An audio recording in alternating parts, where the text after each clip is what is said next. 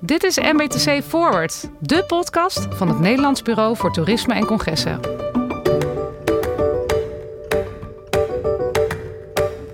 Welkom bij deze derde MBTC Forward podcast over bezoekersmanagement in de gemeente Veren. Mijn naam is Bastiaan Overheem, programmamanager bestemmingsontwikkeling bij MBTC en als zodanig betrokken bij het thema bezoekersmanagement. Ik ga in deze derde podcast in gesprek met Werner van Laren, ondernemersmanager in de gemeente Veren.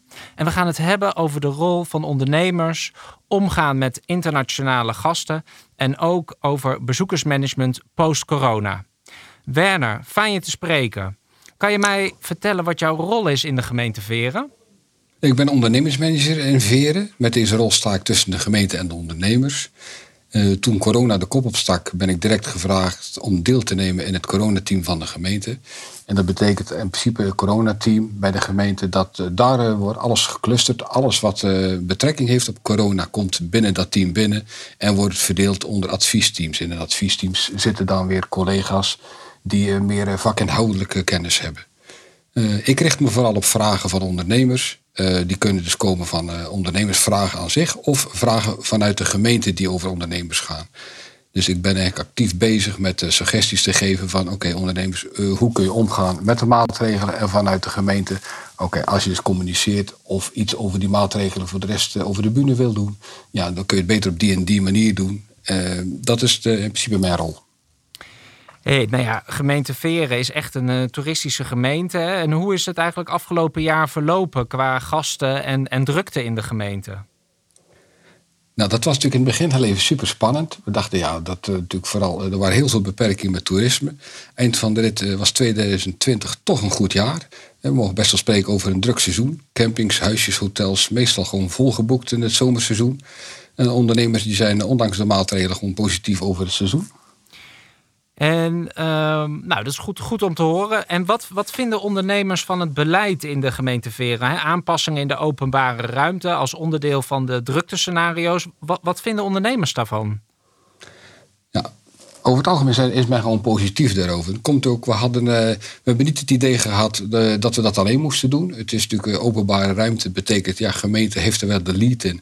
Maar ondernemers en ook ja, de bewoners die hebben daar een ja, flinke ja, vinger in de pap, zullen we maar zeggen.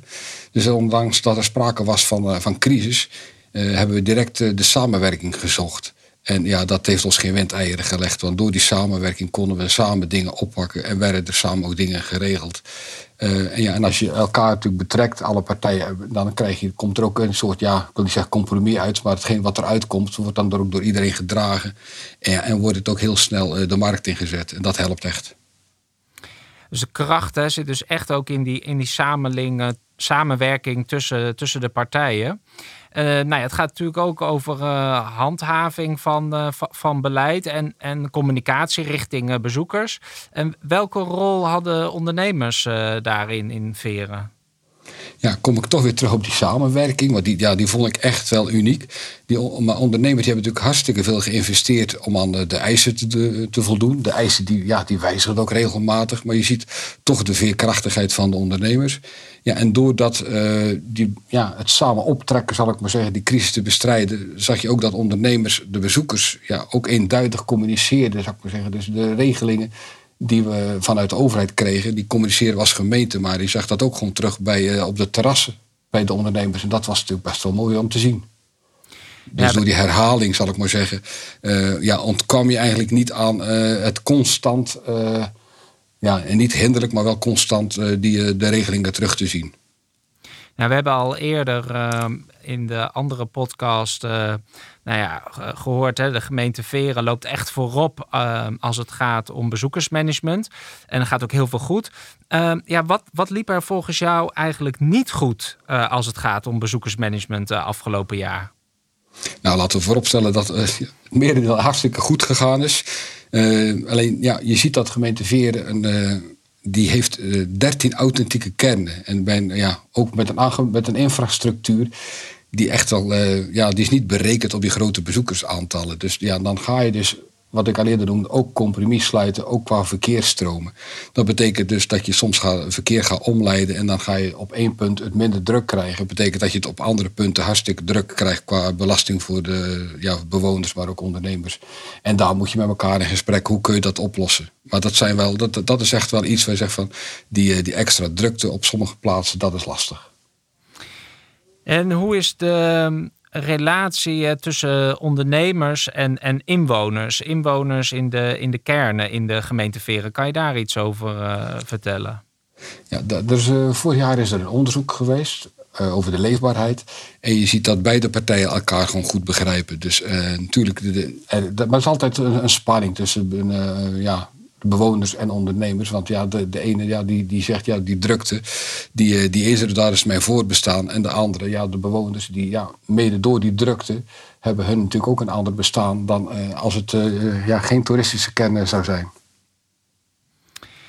Dan hebben we het over de bezoekers eh, eigenlijk nog niet zo gehad. En vanuit Duitsland komen eigenlijk de meeste bezoekers uh, naar Nederland. Nou, ik heb begrepen dat geldt ook zeker voor de gemeente Veren. Want zo'n 50% van de gasten, dat zijn Duitse gasten. En wat, wat merk je hiervan in de, in de gemeente Veren? Ja, ik snap je vraag, maar in principe merk je er niks van. Je merkt het eigenlijk alleen, het gaat opvallen als ze er niet zijn. Uh, van oudsher uh, ja, de, is de gemeente Veren is bij, bij voor Duitsers bijzonder in trek. Dus ja, uh, men spreekt hier ook vloeiend Duits qua ondernemers, maar ook bevolking. Dus ja, je ziet dat een, als er geen witte kentekens met zwarte letters rijden, valt dat heel erg op, zal ik maar zeggen. in 2020, dus vorig jaar, zag je wel dat, oké, okay, er waren minder Duitsers en dat werd direct opgevuld door de Nederlandse toeristen. En dat was eigenlijk hier meer wennen dan voorheen. Omdat natuurlijk uh, ja, er normaliter veel meer Duitsers hier zaten dan uh, afgelopen jaar. Uh, ja, en dan zie je bijvoorbeeld ook in, in Zeeland in de maanden juli tot en met september steeg het aantal Nederlandse overnachtingen, dus het aantal overnachtingen van Nederlanders, ongeveer met 37% ten opzichte van hetzelfde kwartaal in 2019. Dus je ziet wel dat er iets minder Duitsers kwamen. Dat gat werd keurig opgevuld door de, ja, onze eigen Nederlanders. En zie jij ook verschillen tussen eh, Nederlandse en, en Duitse gasten? Ja, dat, uh, nou, dat is natuurlijk, uh, normaliter zou ik, is dat misschien anders. Alleen nu zit iedereen toch een beetje in die crisis uh, ja, modus. Iedereen maakt zich zorgen over gezondheid. En of je nou Duits of Nederlands bent, dat, ja, daar zit nog wel kleine, minieme verschil in. Maar qua zorgen blijft dat eigenlijk wel gelijk. Uh, het enige wat je wel uh, ziet is dat de regelingen die in Nederland uh, gelden niet altijd golden, bijvoorbeeld ook in Duitsland of in België. En dan krijg je daar wel wat discussie of extra uitleg is voor nodig. Maar verder vallen die verschillen reuze mee. Hey, jij staat veel in contact met, met ondernemers. Dit jaar veel ervaring opgedaan rond het onderwerp bezoekersmanagement. Wat adviseer jij om te benutten post-corona als het gaat om bezoekersmanagement? Ja, dat is natuurlijk uh, vooral nou, nogmaals benadrukken die, die, die samenwerking tussen ondernemers, bewoners en gemeenten. Uh, dat je je flexibel moet inzetten, want het geldt wel voor alle partijen. Maar het is uh, ja, vooral die, die, die drukte, zal ik maar zeggen, die drukte die er, die er is, dat is. Dat is gewoon goed om die te proberen te managen. Dat, dat zul je gewoon. Ik denk dat dat iets blijft voor in de toekomst. Mensen gaan dan toch ook na corona liever naar een plaats waar het niet zo druk is dan de drukte opzoeken. Uh, we hebben bijvoorbeeld ook nog een tool, onze strandwijzer veren. Dat is denk ik ook iets wat uh, zal blijven. Dat uh, dan, bezoekers kunnen straks vooraf zien welke stranden er op bepaalde dagen druk zijn of niet druk zijn.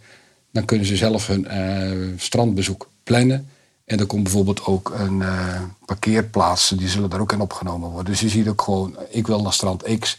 En je kunt zien, is het daar druk en kan ik daar ook nog parkeren.